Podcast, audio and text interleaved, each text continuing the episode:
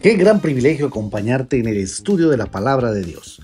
Bienvenido al podcast de la hora silenciosa de Palabra de Vida Guatemala. Descubriremos junto a ti los desafíos que Dios nos dará hoy a través de su palabra. Deseamos que hayas tomado un tiempo para leer con anticipación el pasaje del día de hoy.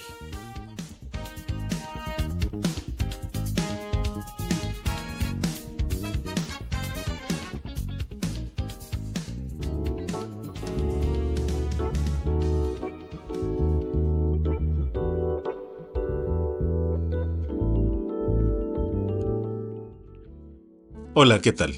Te saluda Daniel de la Rosa, del Ministerio Palabra de Vida Guatemala.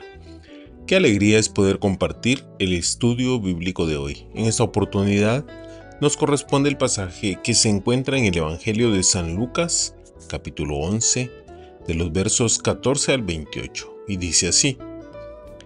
Estaba Jesús echando fuera un demonio, que era mudo, pero aconteció que, salido el demonio, el mudo habló y la gente se maravilló. Pero algunos de ellos decían, por Belcebú, el príncipe de los demonios, echa fuera a los demonios. Otros, para tentarle, le pedían señal del cielo. Mas él, conociendo los pensamientos de ellos, les dijo, Todo reino dividido contra sí mismo es asolado, y una casa dividida contra sí misma cae. Y si también Satanás está dividido contra sí mismo, ¿cómo permanecerá su reino? Ya que decís que por Belcebú echo yo fuera los demonios, pues si yo echo fuera los demonios por Belcebú, vuestros hijos por quien los echan. Por tanto, ellos serán vuestros jueces. Mas si por el dedo de Dios hecho yo fuera los demonios. Ciertamente el reino de Dios ha llegado a vosotros. Cuando el hombre fuerte armado guarda su palacio en paz, está todo lo que posee, pero cuando viene otro más fuerte que él y le vence, le quita todas sus armas en que confiaba y reparte el botín. El que no es conmigo, contra mí es y el que conmigo no recoge, desparrama. Cuando el espíritu inmundo sale del hombre, anda por lugares secos buscando reposo y no hallándolo dice, volveré a mi casa de donde salí. Y cuando llega la haya barrida y adornada.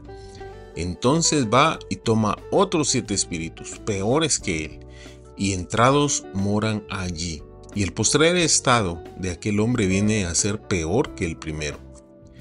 Mientras él decía estas cosas, una mujer de entre la multitud levantó la voz y le dijo, Bienaventurado el vientre que te trajo y los senos que mamaste. Y él dijo, antes, bienaventurados los que oyen la palabra de Dios y la guardan.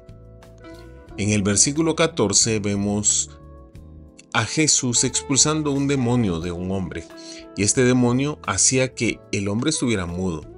En ese tiempo existían exorcistas judíos que aseguraban que era necesario conocer el nombre del demonio para poder expulsarle. Por eso la gente se maravilló que Jesús lo pudiera expulsar, porque para ellos esto era imposible, pues no había manera que un mudo les dijera su nombre. Lo más sorprendente es la respuesta de la gente acusaron a Jesús de usar el poder de Belcebú para echar fuera el demonio. Belcebú significa señor de las moscas o príncipe de los demonios. Ellos no quisieron creer que estaban enfrente al Mesías prometido. Cerraron sus ojos frente a la evidencia de su inigualable poder. Nadie podía hacer las cosas que él hacía. Pero el Señor Jesús que conocía sus corazones, les da una respuesta con un principio muy simple. Un reino dividido contra sí mismo no permanecerá. Y les pregunta, entonces, ¿en el nombre de quién echan fuera los demonios sus hijos? No hubo respuesta. En el verso 20 les dice, mas si por el dedo de Dios yo echo fuera los demonios.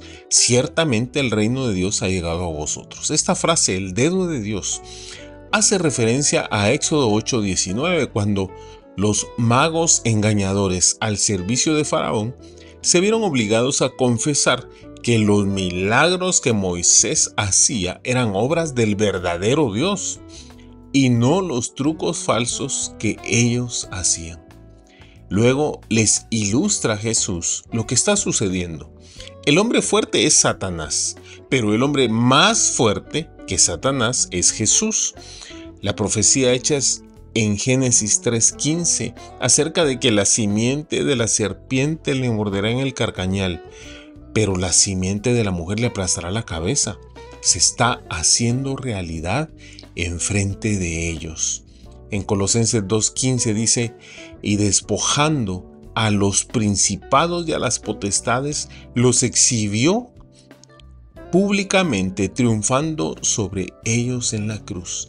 Y en Hebreos 2.14 dice, así que por cuanto los hijos participaron de carne y sangre, él también participó de lo mismo para destruir por medio de la muerte al que tenía el imperio de la muerte, esto es, al diablo.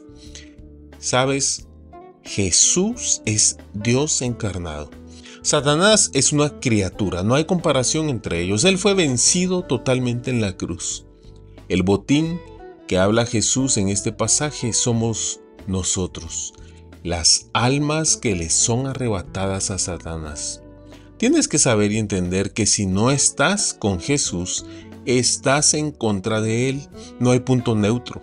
Tienes que decidir qué hacer con Jesús. Solo hay dos caminos y Él es el único camino de la vida. Estar con Jesús es estar en el lado de la victoria. Que Dios te bendiga.